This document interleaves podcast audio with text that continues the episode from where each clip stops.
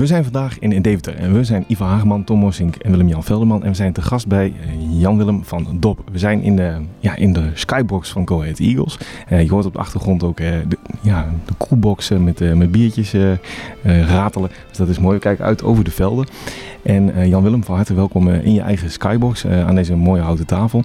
Ehm, je bent bestuurder, directeur bij Go Ahead Eagles.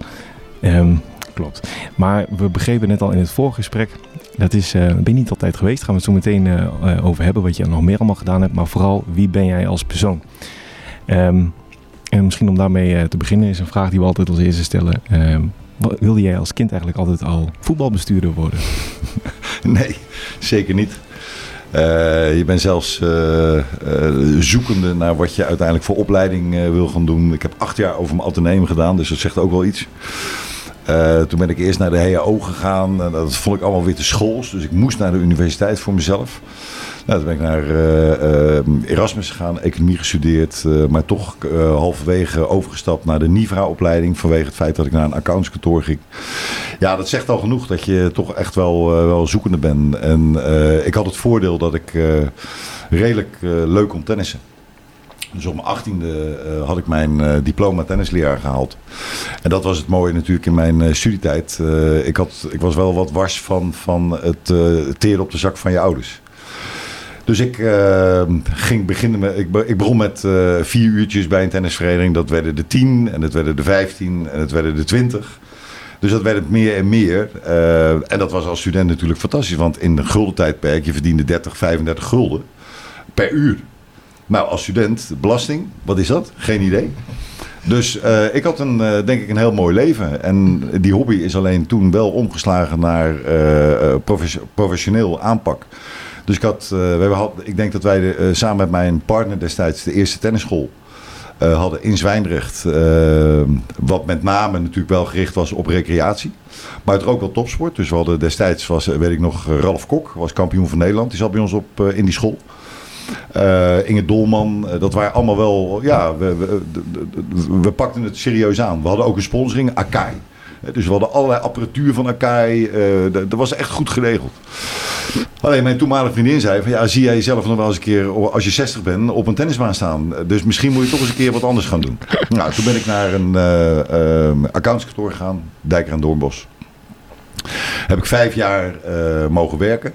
Ik had nog geen diploma, maar mijn tweede jaar, weet ik nog, kreeg ik al een eigen controlegroep. Dat vond ik apart. Ik denk van ja, eh, je moet toch wel een beetje verstand hebben van accountancy. Maar dat ging meer, de vennoot waarvoor ik werkte, die keek veel meer naar de mensen. Dus die zag in mij gewoon een, noem het maar, een soort leider van zo'n groep. En die had zoiets van, dat wordt wel aangevuld door de mensen uit... Hè, ik had eh, nu een van de topbestuurders van PricewaterhouseCoopers, Michel Adriaanse. Die zat bij mij, eh, die kwam, was met zijn postdoctoraal bezig en die kwam bij mij in de groep. En eh, die heb ik echt eh, alle hoeken wel eens een keer van een kamer laten zien. Omdat hij gewoon menselijk niet goed omging met klanten. Maar inmiddels, eh, en daarna ook gewoon een hele goede vriend geworden. Zelfs nog een keer chauffeur bij een huwelijk van me. Dus ja, zo, zo kunnen dingen lopen in het leven. Zeker. Ehm, nou ja, eh, we hadden het al over jouw droom. Je zegt accountancywereld.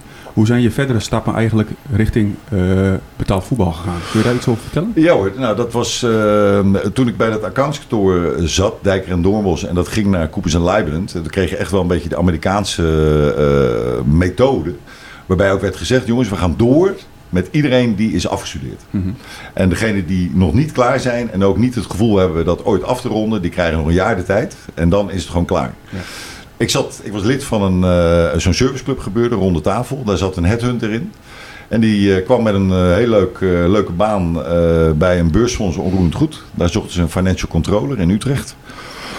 En ik heb die baan gekregen. Ehm, leerde daar de moeder van mijn kinderen kennen.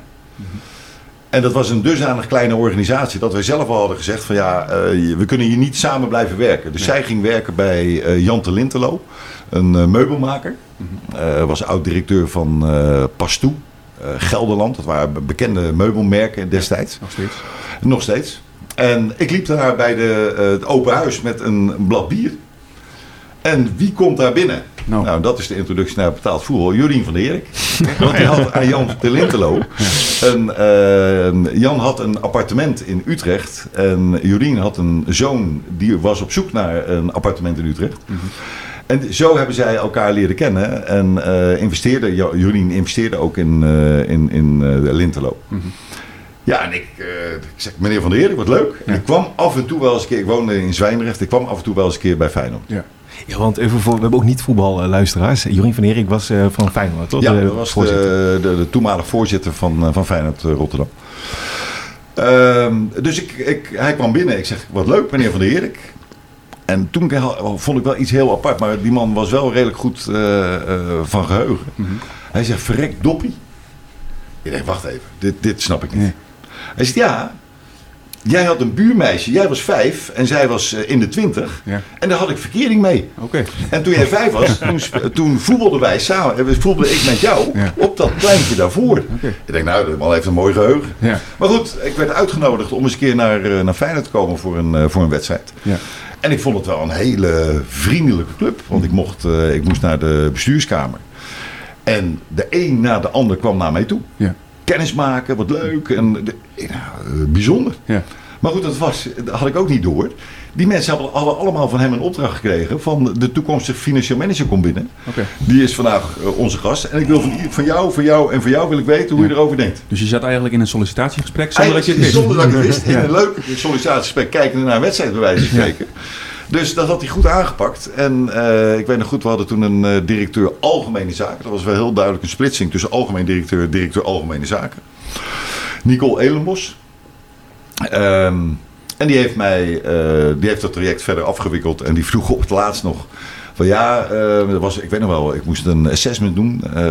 nog bij een, zo'n headhunterskantoor. Ehm, en de dag na hemelvaart zou ik naar Amerika gaan op vakantie. Hij zegt, ja, je moet eh, op vrijdag. Dat was op vrijdag. Nou, dat kantoor, ik zeg, denk het niet. Mhm. Ik, zeg, ik, ik heb een vakantie gepland. Nou ja, ik zeg, het enige wat kan. Maar goed, dat moeten zij ook maar willen. Dat is op hemelvaart. Ja. Dan ben ik bereid om daar naartoe te gaan. Nou, dat werd uiteindelijk geregeld. En toen, als laatste zei ze nog, ja, eh Feyenoord is toevallig ook in Amerika. En van de heer, ik wil je daar nog een keer spreken. Ik zei, nou, ik denk dat dat ook niet gaat gebeuren. En dat is denk ik hetgeen geweest waardoor Van der Herik het gevoel kreeg van nou die laat niet over zich lopen. Dat is wel, eh, wel een goede om binnen te krijgen.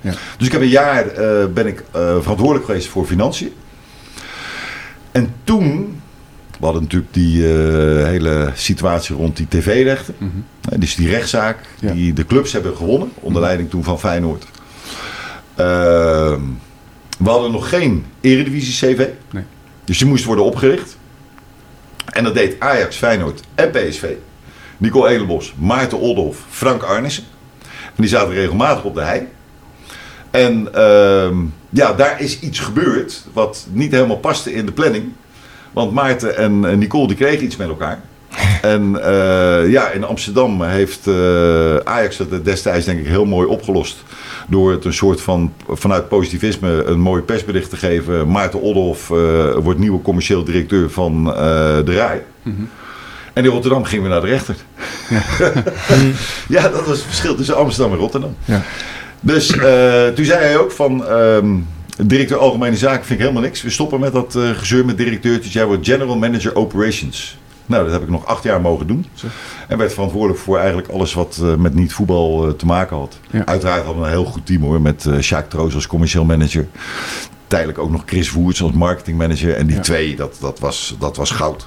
Die moest je niet apart op, op pad sturen. Want als Sjaak iets, iets moest bedenken, lukte het niet. Nee. En als Chris iets moest verkopen, lukte het niet. Nee. Dus die twee hadden elkaar wel heel erg hard nodig. En dat, dat is ook altijd heel goed gegaan.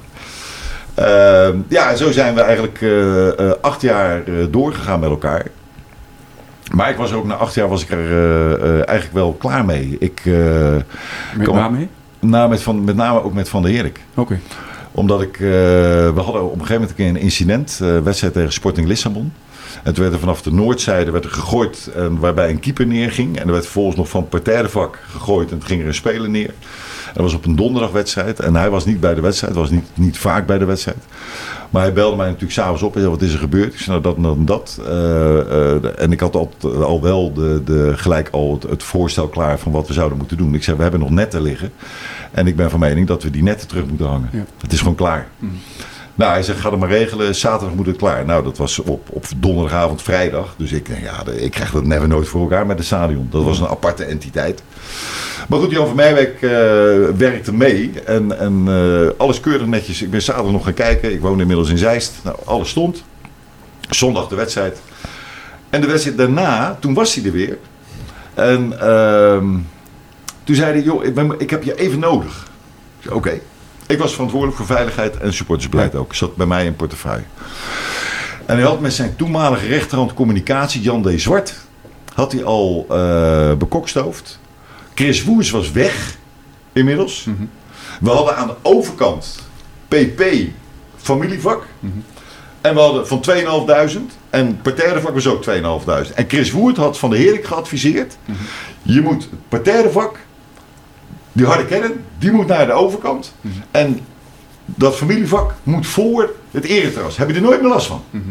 Ja. Dus ik kwam daar binnen. Ik denk, nou, daar gaan we over praten. Hij zegt, ja, ik heb je even nodig, want uh, nou heeft die, die, die administrateur van jullie weer iets fout gedaan. Een factuur op verkeerde naam. Ik denk, dit is niet waar. Hier, wil ik, hier gaan we toch niet over praten. Mhm. Ik zeg, maar wat, wat betreft nou dat, eh, de, die hele situatie met het publiek? Ja. Nou, dat is al beslist. Ga maar even naar Jan, er staat dan een artikel klaar. Nou, dat werd dus aangekondigd. Ja. De wedstrijd daarna. Dus we zijn een week verder. En die wedstrijd is klaar. En ik sta, Van de Heer, ik was er natuurlijk weer niet bij. Mhm. En ik sta met Sjaak Troost. Uh, die wedstrijd is klaar. Uh, en er blijven duizend man van het parterrevak staan. Troost was inmiddels naar binnen. Mhm. Ik sta er in mijn uppie. Ja, wat is dit? Dus ik naar binnen. Ik zeg, Troost, kom je er even bij? Hij zei, ik heb er niks, mee, ik heb er niks te zoeken. Dus ik ben teruggegaan. En ik ben naar die duizend man gegaan. Ik ben er middenin gestaan. Ik zei, jongens, echt, uh, geef mij twee man. Daar gaan we, ga ik deze week mee om de tafel. En ik ga proberen die, die maatregel terug te draaien. Ja. Ik zeg maar onder de voorwaarden, nu wegwezen. Mhm. En dat is, dat is me gelukkig gelukt. Vanaf Noord kwamen aan de buitenkant ook weer supporters. Ben ik nog met Ton Strooband, weet ik nog goed, naar buiten gaan. Politie zei, je ga, ik ga mee. Ik zei, je gaat helemaal niet mee. Wij met z'n tweeën naar buiten. En we hebben het voor elkaar gekregen om die mensen weg te krijgen. Ik heb die, die regeling terug kunnen draaien. Maar toen was ik klaar. Ja. Ik denk, als je zo met mensen omgaat. Mhm. nee. Mm. En toen had ik, ik had twee jaar daarvoor al de, de, uh, um, het verzoek gekregen van Martin Sturkenboom om naar Utrecht te komen. We zaten toen midden in de herstructurering, waren toen allemaal natuurlijk nog verenigingen en stichtingen. En uh, wij, wij, we zouden een NV worden. En daar zat ik middenin. Hij zegt, joh, uh, ik ben aan het uh, reorganiseren bij Utrecht. Uh, wil jij mijn opvolger worden? Ik zeg, het is te vroeg, Martin. Nou goed, twee jaar later hadden we toevallig een week later de wedstrijd Utrecht-Feyenoord. Dus ik kwam Martin tegen. Ik zei, Martin, kunnen we nog praten? Ja. Hij zei, ja hoor. Nou, en zo is het geschied. Maar Jan Willem, uh, hoe, hoe, kun, je, kun je schetsen, je hebt het net over uh, Jorien, zeg maar, uh, de verhouding tussen de voorzitter zeg maar, en het managementteam, zeg maar, waar jij dus onderdeel van uitmaakt. Ja. Heb je in die acht jaar gevoel dat je de ruimte kreeg om je eigen beleid te maken? Of was het van, nou, we hadden heel veel hinder toch ook wel van... Nee, nee, zeker, zeker niet. We, we kregen echt wel de, de mogelijkheid om dat beleid te maken. En met name natuurlijk de delen waar je verantwoordelijk voor was. Ja. Het feit dat Feyenoord nu in Nederland met uitwedstrijden nooit een probleem geeft is ontstaan in die tijd. Wij hebben toen de goldcard, de silvercard, de diamondcard hebben uitgevonden ja. uh, en bedacht. Uh, en dat betekende dat uh, wij kregen hè, bijvoorbeeld met een, een diamondcard. dat waren er maar 400. Waarom 400? Omdat de tegenstander met de kleinste capaciteit, Excelsior, had maar 400 plaatsen. Dus die mensen hadden gegarandeerd een plek. Hm. En zo zijn we uiteindelijk in een piramide, dus de goldkaart en de zilverkaart. We hadden 2000 goldkaarthouders. Maar die moesten echt. Er kwamen mensen. We, hadden geen internet nog, hè? althans niet zoals het nu is. Dus we hadden ook gezegd: je moet nooit met politie in aanraking zijn geweest. Je moet duidelijk aangeven dat je een, een Feyenoord supporter bent. Dus er kwamen mensen met plakboeken. Waar ze in Feyenoord nou, allemaal gevolgd hadden in het buitenland. En op basis daarvan hebben we, ja, het was bijna een soort ballotagecommissie. Hm. Hebben die mensen die goldkaart gegeven. Ja, en zo is dat ontstaan en, en, die ruimte kregen we ook. Alleen, het was wel altijd zo, dat vind ik mooi. Ik, ik zal nooit vergeten, mijn eerste wedstrijd als, als financieel manager. Mocht ik mee naar uh, de wedstrijd uh, Espanyol Feyenoord, in de, de, toen nog UEFA Cup. En ik zat naast Van der Herik en uh, Hendrik Larsson die scoorde 1-0. En ik doe, ik sta op. Gelijk hand op mijn, op mijn knie, zitten blijven. respect voor de tegenstander. En dat is van de Erik.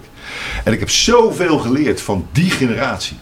Sterker nog, ik heb ze nog steeds bij elkaar. 18 januari, jongsleden, had ik ze in de hermitage. Van de Herik, Riemen van der Velde, Rob Jansen, uh, John Ringelenstein, uh, Heiberde. Jan Smit zit inmiddels ook bij die groep. Dat is, zijn de Dutch Sports Councils, die ik samen met Rob Jansen heb opgezet. Ah, om die oude cultuur. En we hebben het echt neer willen zetten om de huidige. En dat is ook, vind ik, een beetje het probleem op dit moment in, in, in het betaald voetbal. Te veel wisselingen. Ja. Mensen met te weinig ervaring. En we hebben bewust dit geprobeerd in leven te houden. Jongens, je kan een beroep doen op deze mensen. En dan gaat echt, er speelt helemaal geen geld. geld speelt geen rol. Je kan er een beroep doen. Dan komt er iemand jouw organisatie binnen. We spreken wel een uurtarief af. En het uurtarief, wat daarvoor gerekend wordt, gaat naar een goed doel. Oh, mooi. En wat is, voor deze, wat, is de, wat is zo uniek aan deze mensen? Want mensen die de voetbalwereld niet kennen. Omdat dit allemaal mensen waren, behalve Karel Aalpers, die zat ook bij die groep. En dat was de enige betaald voorzitter in, op dat moment. De rest was allemaal onbezoldigd. Ja. Hm. Die deden het allemaal onbezoldigd. Hè. Theo Albers kan ik me nog herinneren eh, in mijn- in mijn Utrecht-tijd. Ik heb hem natuurlijk als mens meegemaakt. Maar wat ik ook hoorde hoe dat vroeger ging. Die ging op zaterdag. En ze gingen allemaal op zaterdag gingen ze naar de club. Ja. Dat was de dag, leek het wel. Ja, want door de week hadden ze gewoon hun eigen werk. Ja. En op zaterdag gingen ze naar de club. Gingen ze met de trainer praten, technisch manager praten. En daar werden de, afs- daar werden de afspraken gemaakt. En die mentaliteit, het ook meer het respect voor elkaar. Hè, met Ajax en Feyenoord. We hebben één zaak een keer gehad. Volgens mij was dat Ledesma. Wat fout ging. Omdat wij als, als, als Feyenoord hadden die jongen binnen willen halen. En Michael van Praag, destijds voorzitter van, eh, van Ajax. Die had eh, winkels achter de douane bij Schiphol. En die kon, het, die kon het regelen dat die jongen dus helemaal nooit, eh, never nooit bij Feyenoord terecht kwam.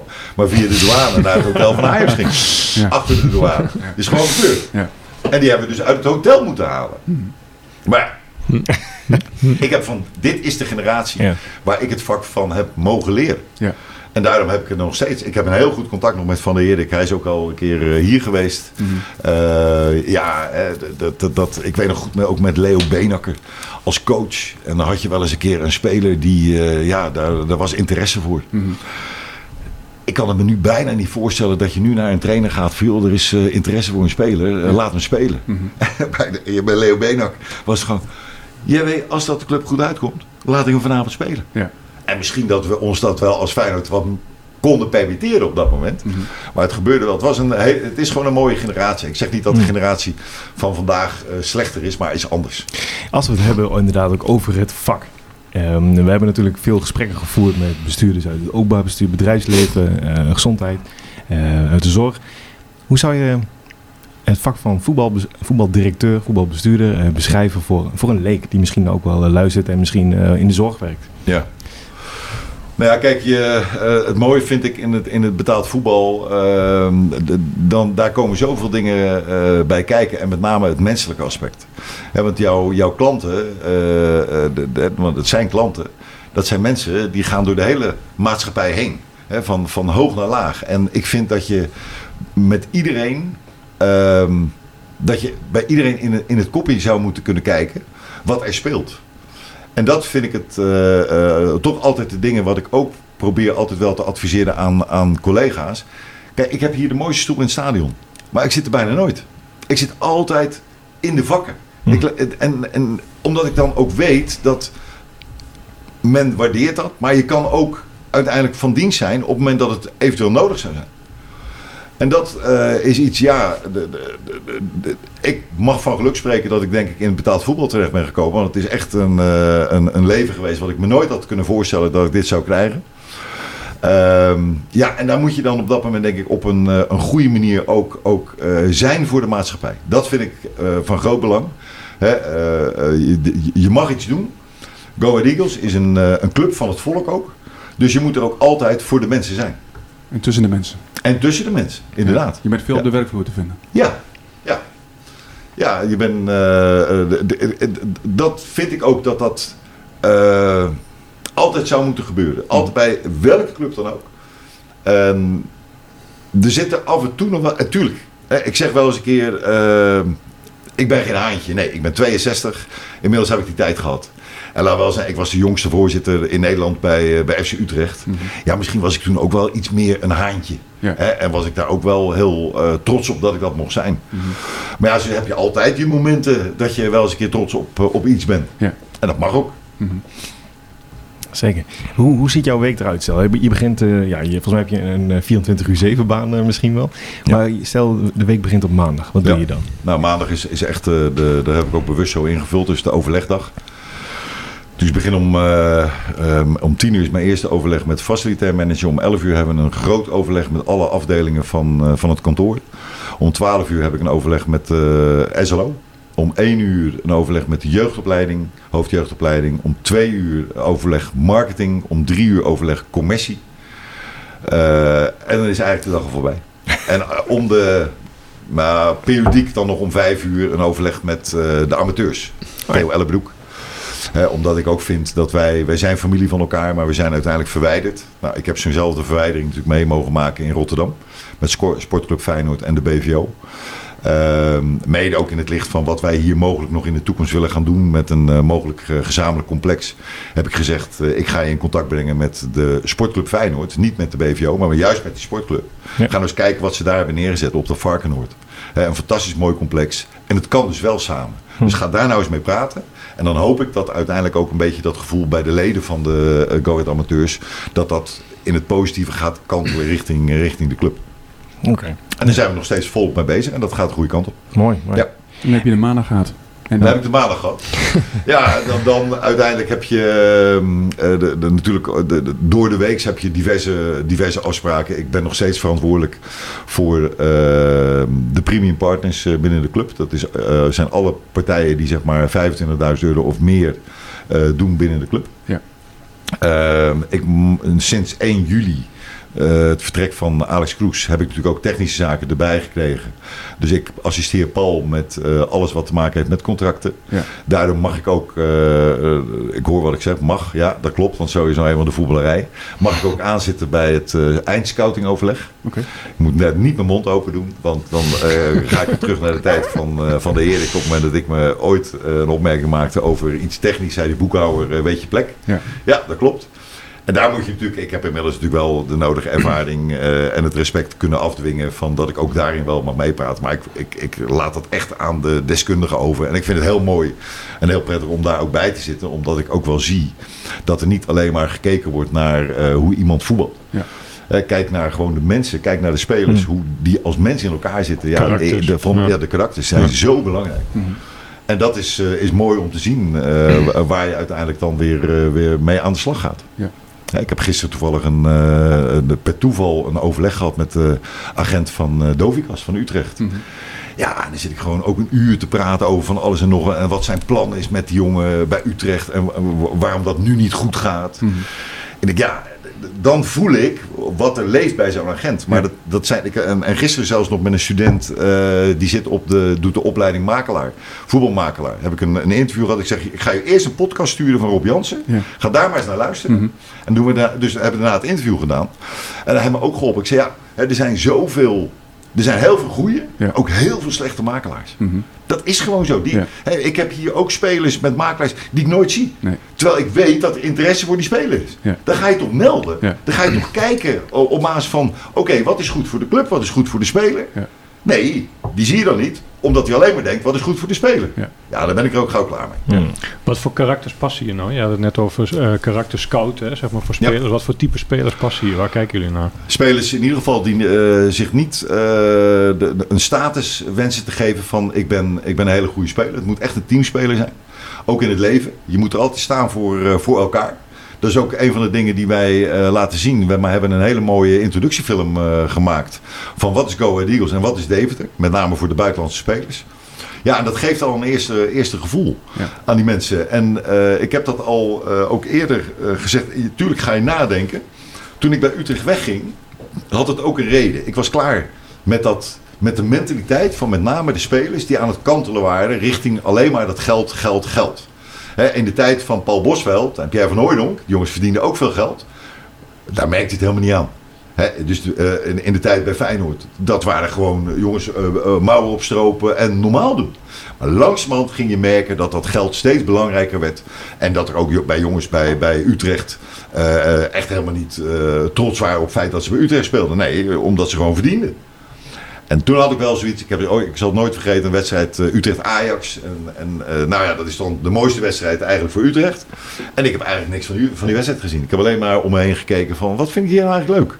Wa- Waarom zit ik hier nog? Ja, dat is voor de mensen eromheen. Om ervoor te zorgen dat daarvoor goed geregeld is. Nou ja, ehm, toen ik gevraagd werd, jaren later, want ik heb nog bij Slavia Praag gezeten. eh, ik heb in Litouwen gezeten voor, eh, voor de UEFA. Heel mooi project mogen doen. En toen vroeg Paul mij om hier te komen. Ja, moet ik dat doen? En toen ben ik me gaan verdiepen in die club. En ik voelde wel, en dat is ook bevestigd. Ik ben heel blij dat wij jaren in de KKD hebben gespeeld. In die keukenkampioen-divisie, in die eerste divisie. Want daar verdienden de jongens gemiddeld 3000 euro. 27,50 om precies te zijn. Dus uitgerekend. 10% denk ik gaat natuurlijk, op een natuurlijke wijze, van KKD naar Eredivisie. Mhm. Dan heb je natuurlijk de clubs die promoveren. En de rest moet gaan nadenken over zijn carrière na zijn voetbalcarrière. Mhm. Dus je krijgt een hele andere mindset. Ik heb mijn eerste jaar hier, ben ik in contact gekomen met Jeroen Veldmaat. We hadden een, een soort maatschappelijke agenda. En ik, we gingen in Terwolde, waar we altijd de voorbereiding deden. Daar zat ik met iemand van kantoor en we deden dat. En op een gegeven moment voelde ik aan, maar wat kan ik nou nog meer doen? Ja, wacht even. Dit is mooi. En als je dat nou in je club Ja. houdt, dan gaat er eens een keer eentje uit. Er komt er een in. En die voelt precies vanuit die totale groep hoe die zich moet gaan gedragen. Ja. Als hij zich niet zo gedraagt, ligt hij eruit. Warner Haan was een mannetje. Die kreeg te horen van eh, de coach destijds. En toen hadden we dat systeem eh, hè, dat de tweede keeper in de, in de beker mocht, eh, mocht keeper. En Andy Snopper was tweede keeper. Ja. Warner Haan, die kreeg te horen. Wedstrijd voor de beker, jij keept niet. Hij zei, Ja, dat denk ik niet. Ik keep. Nee, jij keept niet.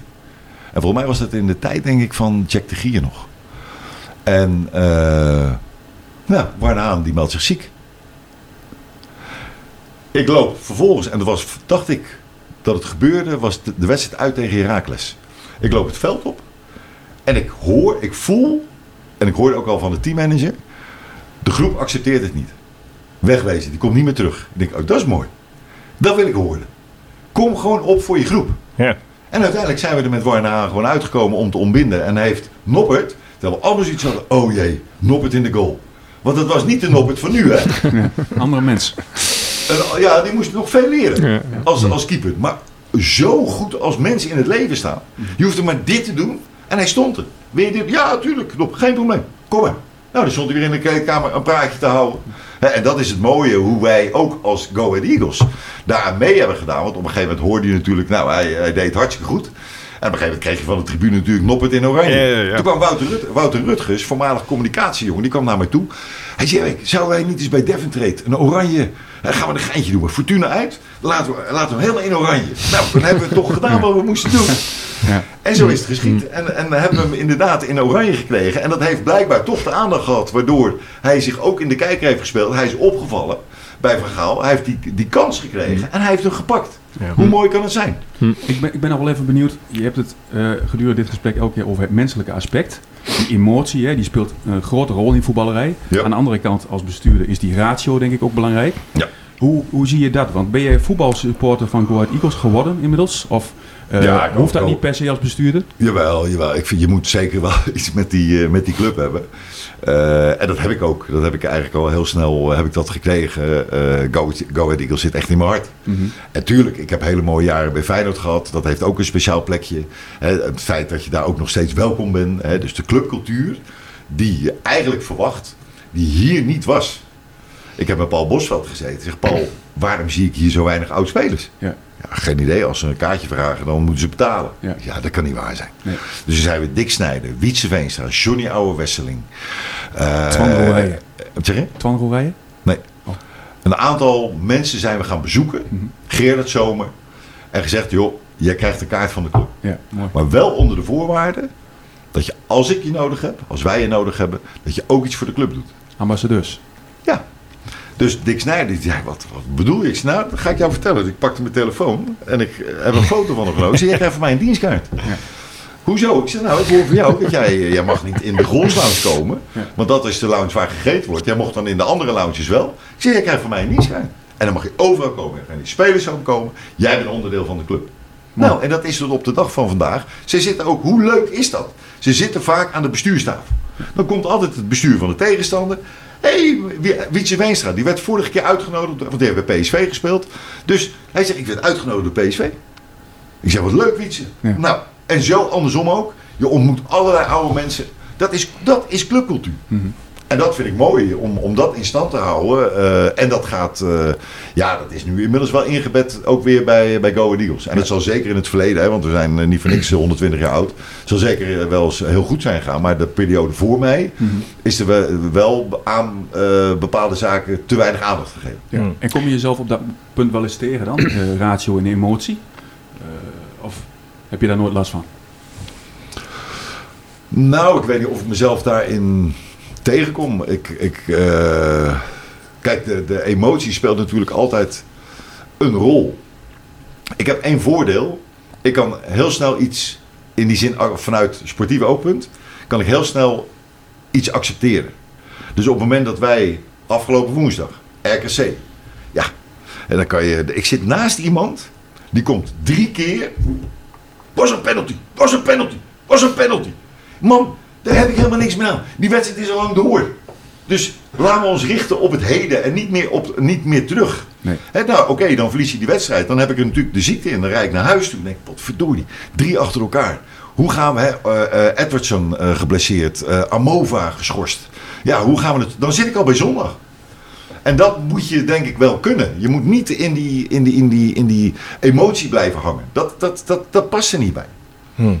Voetbal is natuurlijk wel veel, eh, veel emotie. En ehm, eh, misschien kun je daar ook zo meteen even op reflecteren, ook vanuit, eh, vanuit andere clubs en de sportmanagement algemeen. Zeker. Ehm, kun jij van jezelf inderdaad, ook als er inderdaad hommeles is, als het trabbeland is, als er incidenten zijn, hoe ga je daar van jezelf mee om? Kun je daar iets over vertellen?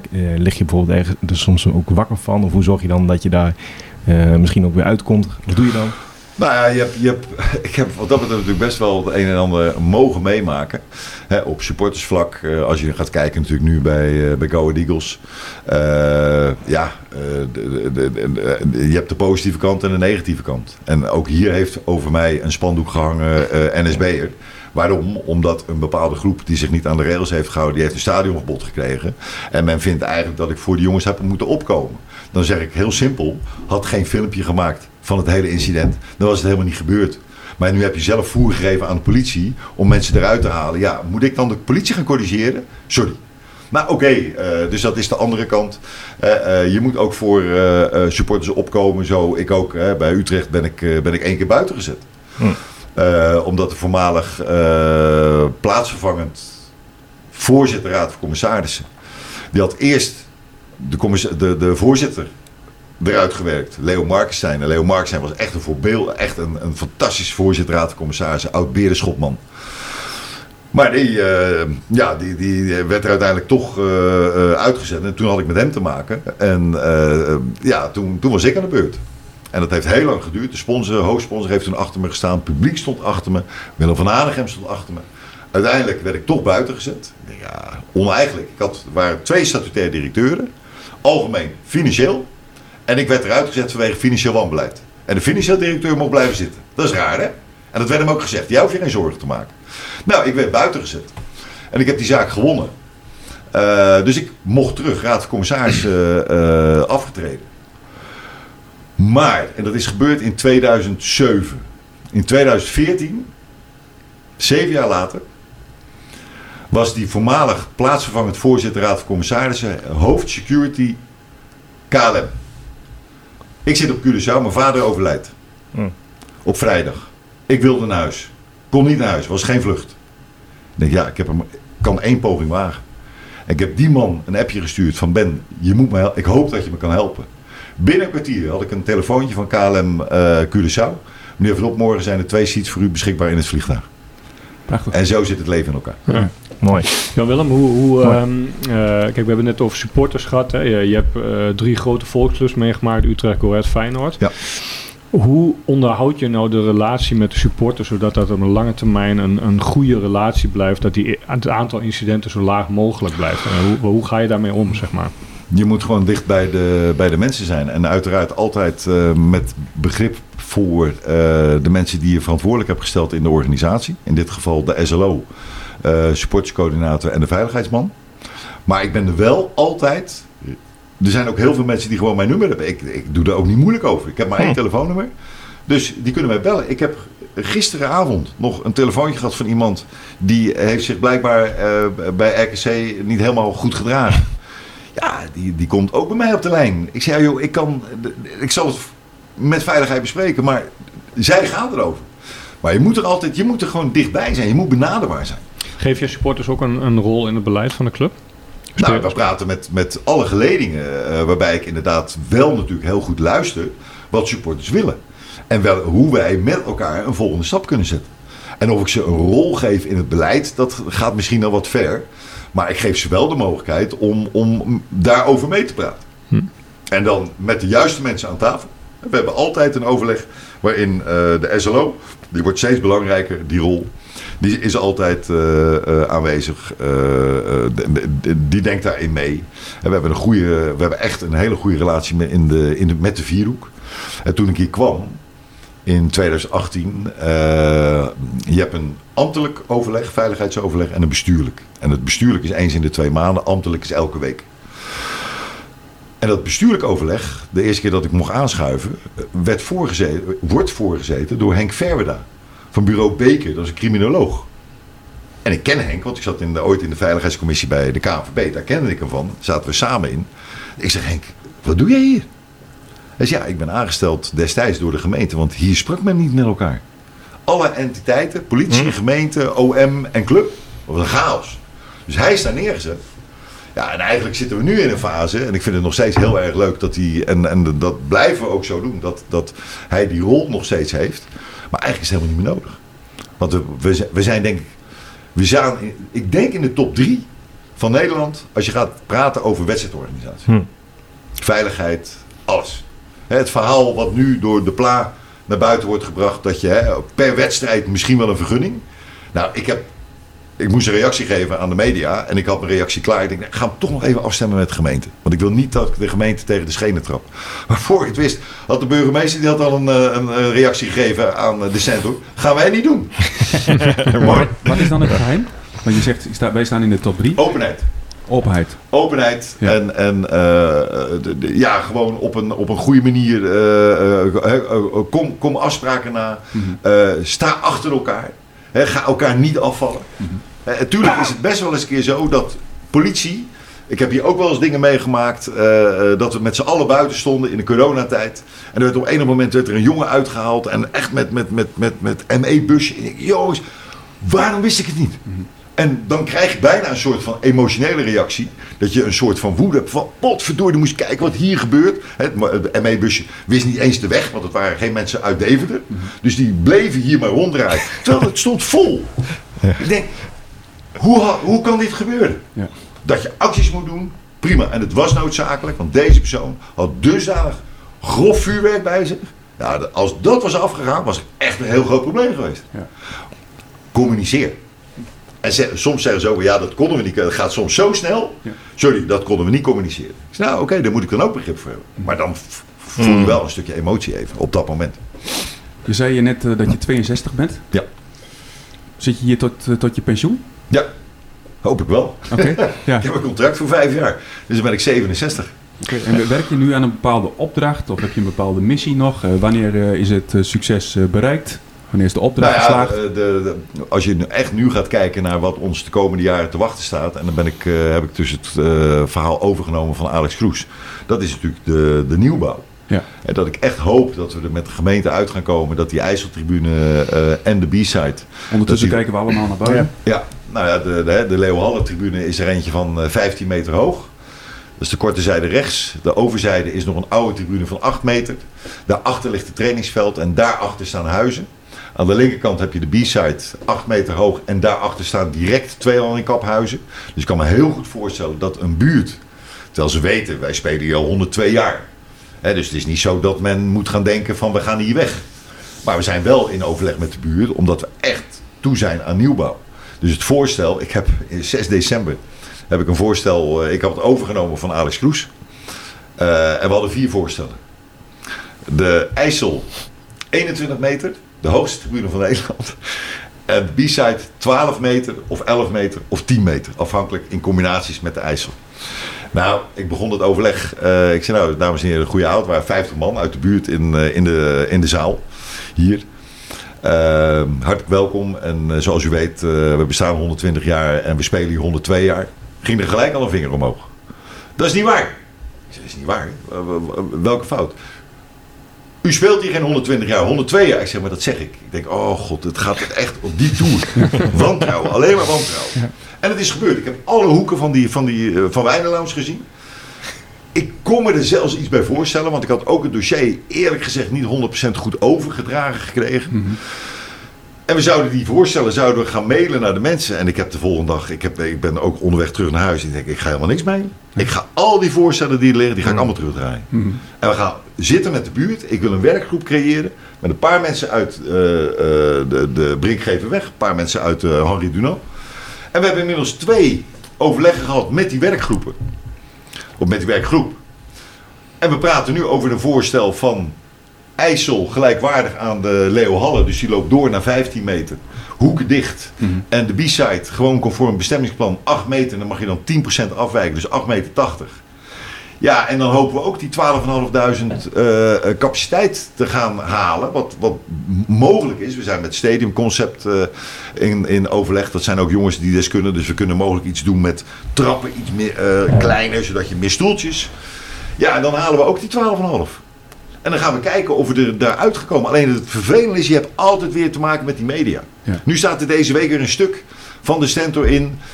Ze hebben mij gebeld eh, of geappt. Ik kan het je laten zien. Van joh, weet je al meer? Ik zeg, ik heb niks te melden. Nee. Ik ben met de werkgroep bezig. We hebben die voorstellen, zoals je weet, eh, van tafel gehaald. We praten nu over een voorstel van 8 meter en 15 meter. En ik ben volop, dus ga nog niks melden. Nee. Ik moet melden. Ik denk, ja. En vervolgens wordt er gemeld. En dan krijg je natuurlijk de, de buurt. Want wat gebeurt er? En dat snap ik heel goed. Mhm. De buurt denkt op dat moment. Er wordt nu een stuk geschreven. En wij zijn de boosdoeners. Ja. Wij zijn de kwaaiegenies. En dat is helemaal niet de situatie. Nee, nee. Wij zijn volop nog met elkaar in overleg. Ja. En laat wel zijn, er zitten hier 10.000 man. Mhm. Ja, die vinden er ook wat van. Ja. En wat ik niet wil, is dat de buurt uiteindelijk dan de, de, de kwade genius is. En dat ze allemaal zo, oh zie je wel. Nee, dat willen we helemaal niet. Mooi. Dus die Ja, zegt, dat eigenlijk, wordt door de media weer opgezocht. Hè? je zegt eigenlijk van er zijn zoveel stakeholders betrokken. Die zijn Ja. ook eigenlijk deze podcast al de revue gepasseerd. Eh, collega's in het bestuur, misschien wel een voorzitter in de raad van commissaris of toezicht. Maar fans ook, zeg je. Ja, En zelfs ook media natuurlijk. zeker. Ja. En zeker natuurlijk in dat betaald voetbal. Hè? Als je weet, 80% natuurlijk van Nederland heeft iets met dat spelletje. Ja, die media wordt alleen maar erger en erger. Hmm. Hè, En, en, Kun je de eh, media, media niet managen dan? Nee. Nee, dat, wordt, dat is heel lastig. Omdat men eigenlijk, lijkt het wel, vroeger had je echt met eh, Rob Hartog, Henk Evenblij, dat waren mannen met hoor en wederhoor. Telegraaf, AD, dat waren, wa- waren krachten. En nu zit er echt in, in dat hele medialand, eh je moet blij zijn dat je nog een reactie kan geven. Maar ze hebben gewoon vaak hun eigen waarheid. En ze vertrouwen toe aan het papier en daar heb je het maar mee te doen. Hmm. En dat vind ik echt een zorgwekkende eh, ontwikkeling. Het feit wat er nu gebeurt met Steven Berghuis. Groot compliment voor die jongen, hoe die dat interview heeft gedaan. Nou, dat heeft er uiteindelijk toegeleid. Wij zitten in een, in een appgroep met directieleden van eh, de algemeen directeuren van de Eredivisie. Dat wij uiteindelijk het hoger op gaan zoeken. Jongens, dit is onacceptabel. Onder leiding Wilco nou die heeft ook een beetje een media-achtergrond. Die pakt het op. En ik ben altijd aan de zijde van Wilco. Van jongens, we moeten ervoor gaan. En wat pak je dan op? Door uiteindelijk eh, het kenbaar te maken dat de media gewoon onacceptabel is. Ja. Hè, en de voorbeelden die genoemd worden door een Steven Berger, het is te gek voor woorden. Mhm. En is ook nog eens een keer als je weet wat die gasten allemaal verdienen in die tv-programma's. Mhm. En dan mag eh, meneer Derksen mij zien als de tennisleraar, want zo zie ik, ziet hij me altijd. En eh, Rob Jansen ziet hij als een zakkenvuller. Hè, het is allemaal leuk om allemaal maar negatief te zijn. Maar ga nou eens een keer op een gegeven moment, hè, eh, wat, wat ik dan hoor van Steven Berghuis, dat, eh, eh, hoe hij in, in dat programma wordt neergezet. En dan ook terecht hoor. Dan ben ik heel blij dat die jongen geen blad voor de mond neemt. Het domste, ja, het domste. Ja. Je hebt helemaal geen idee waar je over praat. Hmm. Hoe neem jij, hoe kom je tot rust in al deze hectiek? Altijd, ik kom altijd tot rust. Ja, maar wat doe je, wat doe je dan? Luisteraars, Ja. zien, luisteraars zien nu niet die mooie glimlach. Ja, dat is een mooie glimlach. Dat is een mooie glimlach, absoluut. Nee, je hebt, je hebt uiteraard. Je, ik, ik geniet van het leven. En ik kan. eh, eh, eh, ik- ben inderdaad misschien wel een emotioneel iemand. Maar ik kan het ook. ik kan iets goed, goed plaatsen. Ik ben denk ik niet rancuneus. Af en toe, je moet echt heel ver bij me gaan om, om, om een deur dicht te houden. Maar er is altijd weer, ja, toch denk ik een beetje die positieve inslag. Dat ik, die- je, geeft dingen een plek. Hmm. Klaar. En ik, hou, ik heb altijd het voordeel dat ik drie kwartier nodig heb om thuis te komen. En dan zet ik heerlijke muziek op. Ja. Of een podcast. En daar luister ik naar. En, en eh, dan, dan kom ik redelijk fris thuis. Waar luister je naar? Naar welke muziek? Ja, echt wel de jaren, jaren 80. Eh, ik heb toevallig nu eh, Spotify natuurlijk weer. dan ga je naar de oude tijd. En zo, dan zit ik vanochtend. er komt opeens eh Status Quo voorbij. Vind ik heerlijk. Ja, maar ook Bob Dylan. Supertramp vind ik fantastisch. Genesis. Eh, maar ook hoor, bepaalde tijden eh, vanuit deze tijd. eh, ik hou heel veel van eh, de beste zangers. Oh ja. Eh, die, dus die heb ik ook gewoon in mijn playlist altijd staan. En dat, dat, van dat soort muziek kan ik ook genieten. Nederlandse muziek vind ik heerlijk. Bluff, daar hou ik van. Ja, mooi. Ja. Lig je wel eens wakker van je werk dan? Jawel, tuurlijk wel. Ik kan ook best wel eens een keer slecht slapen en dan ga ik eruit. En dan, eh, ja, dat vinden mensen wel eens een keertje vervelend, want dan moet ik, dan moet ik iets kwijt. En dan ga ik appen. En dat is nooit de bedoeling om, eh, of een e-mail sturen. En een e-mail zit vaak in computers, ook wel in telefoons, maar een app zit alleen maar in die telefoon. En het is nooit de bedoeling als ik een app stuur om drie uur s'nachts, dat ik verwacht dat ik om kwart over drie een antwoord krijg. Nee. Maar dan heb ik wel zoiets, dan ben ik het kwijt. Ja. En dan zie ik de volgende dag wel wat de reactie wordt. Hey Jan-Willem, ehm, do- door dit eh, eh, hele verhaal vanmorgen loopt ook heel mooi het verhaal. eh, jij behoort tot een bepaalde generatie. Er komt straks ook een nieuwe generatie voetbalbestuurders. Ja. Eh, is natuurlijk best een hot item nu. Hè. Je, we zien dat het verloop enorm groot is, zeg maar. Dat de eh, jonge bestuurders het moeilijk hebben om een positie eh, te verwerven in het landschap. Ehm, wat ben jij van plan, of wat doe je inmiddels al, zeg maar, om de nieuwe generatie bestuurders voor voetbalclubs eh, op Ja. te leiden, bij te dragen? Ben je binnen Go Ahead al bezig met jouw opvolging in de toekomst, zeg maar? Ja. Hoe, hoe kijk je daar? Dat is wel mooi dat je dat, dat vraagt. Ik ben inderdaad al in de tijd dat ik wegging bij FC Utrecht. Toen, heb ik, eh, toen was bekend dat Wilco Verschijk mij zou opvolgen. Ja. En ik heb Wilco, die heb ik aan de hand meegenomen om eh, bij alle eh, entiteiten, de werkgeversorganisatie, de KNVB, de ECV, om daar kennis mee te maken. Hm. Dus uiteindelijk is inmiddels ook de KNVB zover dat zij natuurlijk die, die opleiding niet voor niks in het leven hebben geroepen. Het feit dat bestuurders, of het nou commissarissen zijn of aandeelhouders, dat die een, een verplichting hebben om bij de KNVB een middag te gaan zitten van hoe werkt het. Dat zijn zaken die alleen maar bijdragen. Maar die komen wel een beetje uit die tijd dat het allemaal geboren is. Ehm, ben je bezig met je opvolging? Ja. En ik zeg niet dat hij het gaat worden, maar ik sta wel heel erg open voor jongens die, een, een, een, een, die goed in het leven staan. Hm. Het feit dat wij eh, eh, Wout Rosten binnen hebben gehaald Hm. als teammanager. Ja. Ik weet, eh, Wout Rosten die, die zal eh, drie jaar teammanager zijn. Maar ik wil juist, ik heb al tegen Wout gezegd, kom maar, eh, ga maar met mij een dag meelopen. Mooi. En het zou best kunnen zijn, je hebt een Daan, hè, Daan Bovenberg van Excelsior. Ja. Ook een jonge economie gestudeerd. nou, die is daar inmiddels algemeen directeur. Ja. Frank van Mosselveld. Frank van Mosselveld, in. Dito. Wouter Gudde. Ja. Wout Rosten is ook zo'n type. Ja. Die zie ik echt ver komen in het, in het voetballandschap als Ja. bestuurder. Ja. Zeker. Ik kreeg laatst eh, bij een van de supportersavonden, stak de oudste supporter geloof ik in de 80, die stak zijn vinger op van erg leuk hoor dat u heeft bijgetekend voor eh, vijf jaar. Maar u bent ook niet meer de oudste, dus werkt u al wel aan uw opvolging. Ik denk, nou, die komt wel even binnen. Ja. Maar ja, het is wel de situatie natuurlijk. En Ja. daar moet je al mee bezig zijn. En is er, is er nou iets van kennisoverdracht van ervaren bestuurders naar jonge eh, mensen? Dus, dus hoe draag jij je kennis eh, structureel over? Nou ja, je legt natuurlijk wel steeds meer en meer leg je de dingen vast. Hè. Eh, wij werken ook inmiddels met het hele gebeuren, teams. Alles wordt gedigitaliseerd. Je Hmm. kan alles kan je weer terug, gelukkig allemaal terugvinden. Ja. Ja, en uiteindelijk gaat het toch om dat je mensen de tijd geeft. Je kan alleen maar overdragen op het moment dat je er zelf bij bent. Ja. Je, dat kan je niet aan dossiers overlaten. Daar moet je zelf inbreng in hebben.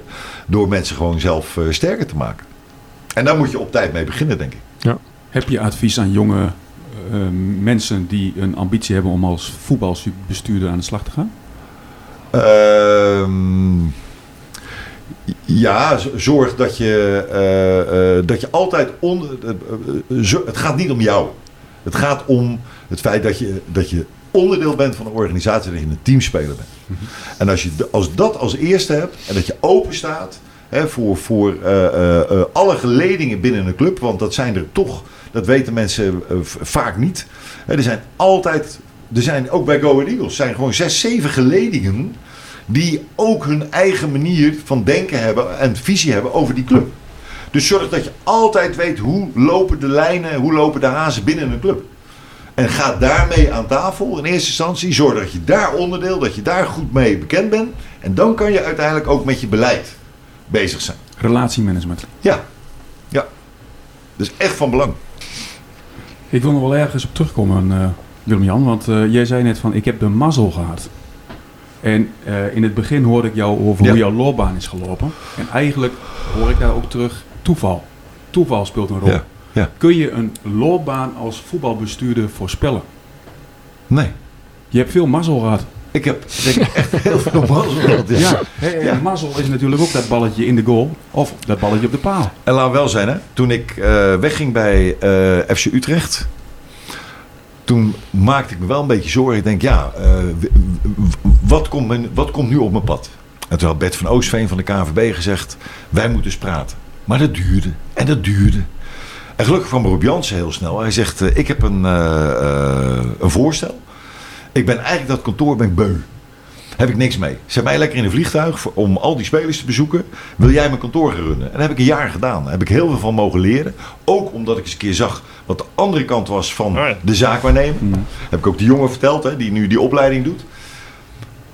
Ik moest op een gegeven moment, zal ik nooit vergeten, de zaak Johan Neeskens doen. Die was in Zuid-Afrika trainer geworden. Nou, ik werd door Marlies, zijn vrouw, gebeld op een moment. Jan Willem, zou jij op zoek willen gaan naar een appartement in Utrecht voor mijn dochter? Ik, naar Rob, ik zeg Rob, is dit de bedoeling? Hij zei, ja, dit is de bedoeling. Dit hoort allemaal bij dat vak. Zelfs tot en met, toen hadden we nog eh, tele, eh, of, of eh, Plus kaartjes. Tot en met het verzenden van een Canal Plus kaartje naar Italië voor een speler. Al die dingen werden gedaan. Ik zeg Rob, waarom ga je daar niet eens een keer mee naar buiten? Johan Derksen ziet jou als een zakkenvuller. Maar je doet vreselijk veel voor die spelers. Je ontzorgt ze echt. Ja, ja, ja. En daarom, ik heb nog steeds eh, heel veel respect voor Rob Jansen. Natuurlijk verdient hij, heeft hij goed verdiend. Ehm, maar zo, ja, die, die deed wel, eh, die, die gaf mij wel in ieder geval het gevoel van zo moet je met het vak.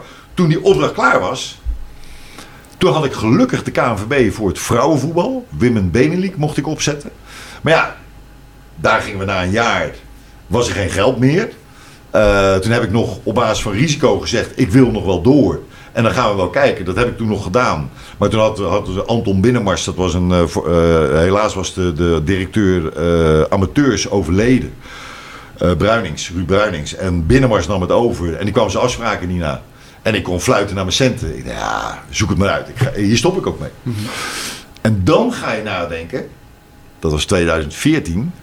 En nu? Of 13 was het, 13. En op een gegeven moment, ik zal het nooit vergeten, in november. Ja, ook weer toeval. Ik rij in mijn auto, ga op mijn telefoon. Igor Korniev. Jantje, hoe is het? Ik zei, Igor, wel goed. Van waar jij aan de lijn? Hij zegt, eh, jij moet naar Praag komen. Praag? Ja. Russische investeerder, die wil Slavia Praag overnemen. Ik word technisch directeur. En we zoeken een, een algemeen directeur. En er moet een Duitser zijn of een Nederlander. En ik heb jou voorgedragen. Dus die heeft dat allemaal voorbedacht. Ik ben er naartoe gegaan. Ik heb dat gesprek gehad met die Russische investeerder. Een hartstikke leuke vent. Hij stelde mij twee vragen. Hij zei, wat weet je van Tsjechisch voetbal? Ik zei, nou, ik ken Jan Koller. en, eh, maar daar bleef het ook eigenlijk wel een beetje bij. En de tweede vraag is, wat wil je verdienen? Dus het gesprek, dat dat klikte. Nou, toen heb ik daar eh, drie kwart jaar gezeten. Helaas is die aandelendeal niet doorgegaan, want ik kreeg daar echt te maken met de onderwereld. Hmm. Met opties op aandelen, je wil het allemaal niet weten. Maar ook weer leerzaam. En, eh, ja, maar je zit wel soms even te denken, zo is de voetbalwereld ook, hè? Kennen ze me nog wel? Ja. En daar, nou ja, dan kom je uiteindelijk, want ik ben toen ook daarna gaan werken. Eh, ik heb voor de UEFA, ik doe nog steeds voor de UEFA. Ik mag aanstaande maandag weer naar Schotland als uh, matchdelegate. Ik kreeg dat erbij, maar dat is geen baan. Nee. Dat is een jongensdroom, dat je dit mag gaan doen. Ja. Hè, dus ook weer toeval. Utrecht komt in de groepsfase in 2010. En daar heb je een venue director, Stefan Keller. Ja. Die kende ik. En die is nu hoofd, zeg maar, van delegates. Dus op een gegeven moment, en ik ken iemand anders de, eh, binnen de UEFA, daar deed ik een opdracht voor in Litouwen. Litouwen vroeg mij terug om mijn advies uit te rollen. Maar die konden me eigenlijk niet betalen. Ik zei, joh, zet mij dan op de lijst als delegate. Nou, ik werd als extra voor Litouwen. En toen kwam gelukkig die jongen van UEFA, die zei, ja, maar je hoeft eigenlijk Litouwen niet te gebruiken. Want ik mag ook iemand op de lijst zetten. Dus ik ben een van de weinige delegates die niet gebonden is aan een bond. En dat is ook heel bijzonder, want ik ben een clubman. Ja. Dus ze zien dat ik clubs wil helpen in die voetbalcompetitie. En daarmee maak je ook weer een soort onderscheid. En dan is het inderdaad echt toeval. Bepaalde dingen, als, als, als bij wijze van spreken Utrecht niet in die groepsfase had gezet, Ja. had ik Stefan Keller nooit leren Ja. kennen. Toeval en relatiemanagement. Ja, Ja. 100%. Dat eh, netwerk, hè? Want dat Ja. is wel wat je... Je hebt een enorm netwerk opgebouwd. Dus Ja, dat, zeker. dat komt elke keer weer terug in Ja. jouw vervolgstap. Ja, ook, dat is zeg nu maar. een probleem met mijn telefoon. Ik heb 20.000 telefo eh, telefoonnummers. Dan geeft Ja. dat nieuwe systeem aan. Je hebt 5000 dubbele. Ja. Nou, hij is nu alles, eh, hij is helemaal de weg kwijt, Ja. blijkbaar. maar dat zegt, dan schrik je wel. eens, Jezus, 20.000 relaties Hm. die erin staan. Ja. Ja. De oplaadkabel is een zeer belangrijk instrument voor jou. Ja. Ja, ja. Mooi. Ehm, Jan-Willem, we willen je heel erg eh, bedanken voor, eh, voor je mooie gastvrijheid en je mooie verhalen ook over wie jij bent en wat je allemaal hebt meegemaakt ook om hier, eh, nou, voordat je hier kwam en nu hier bent. Ja. Ehm, is er tot slot nog iets wat je wil meegeven aan onze luisteraars? Nou, ik vind dit, eh, de, uiteraard vind ik een heel mooi, eh, mooi initiatief eh, wat jullie doen. En ik denk dat, met name de luisteraars die uiteindelijk ook wat, jij, wat jullie ook zeggen. Hè, dat zijn ook mensen die ook een bepaald toekomstplan hebben. Dat die op alle terreinen, de, daar zijn bestuurders met hun eigen visie, hun eigen mening, hun eigen achtergrond. Luister daar goed naar. En, en ik hoop ook echt dat er heel veel mensen die openheid ook geven om te laten zien wat, je, wat jou bezighoudt als bestuurder. Mooi, klasse. Dankjewel. Dank. Graag gedaan. Mijn naam is Ivan Hageman. Bedankt voor het luisteren. En laten we zeggen dat de adelaars blijven vliegen.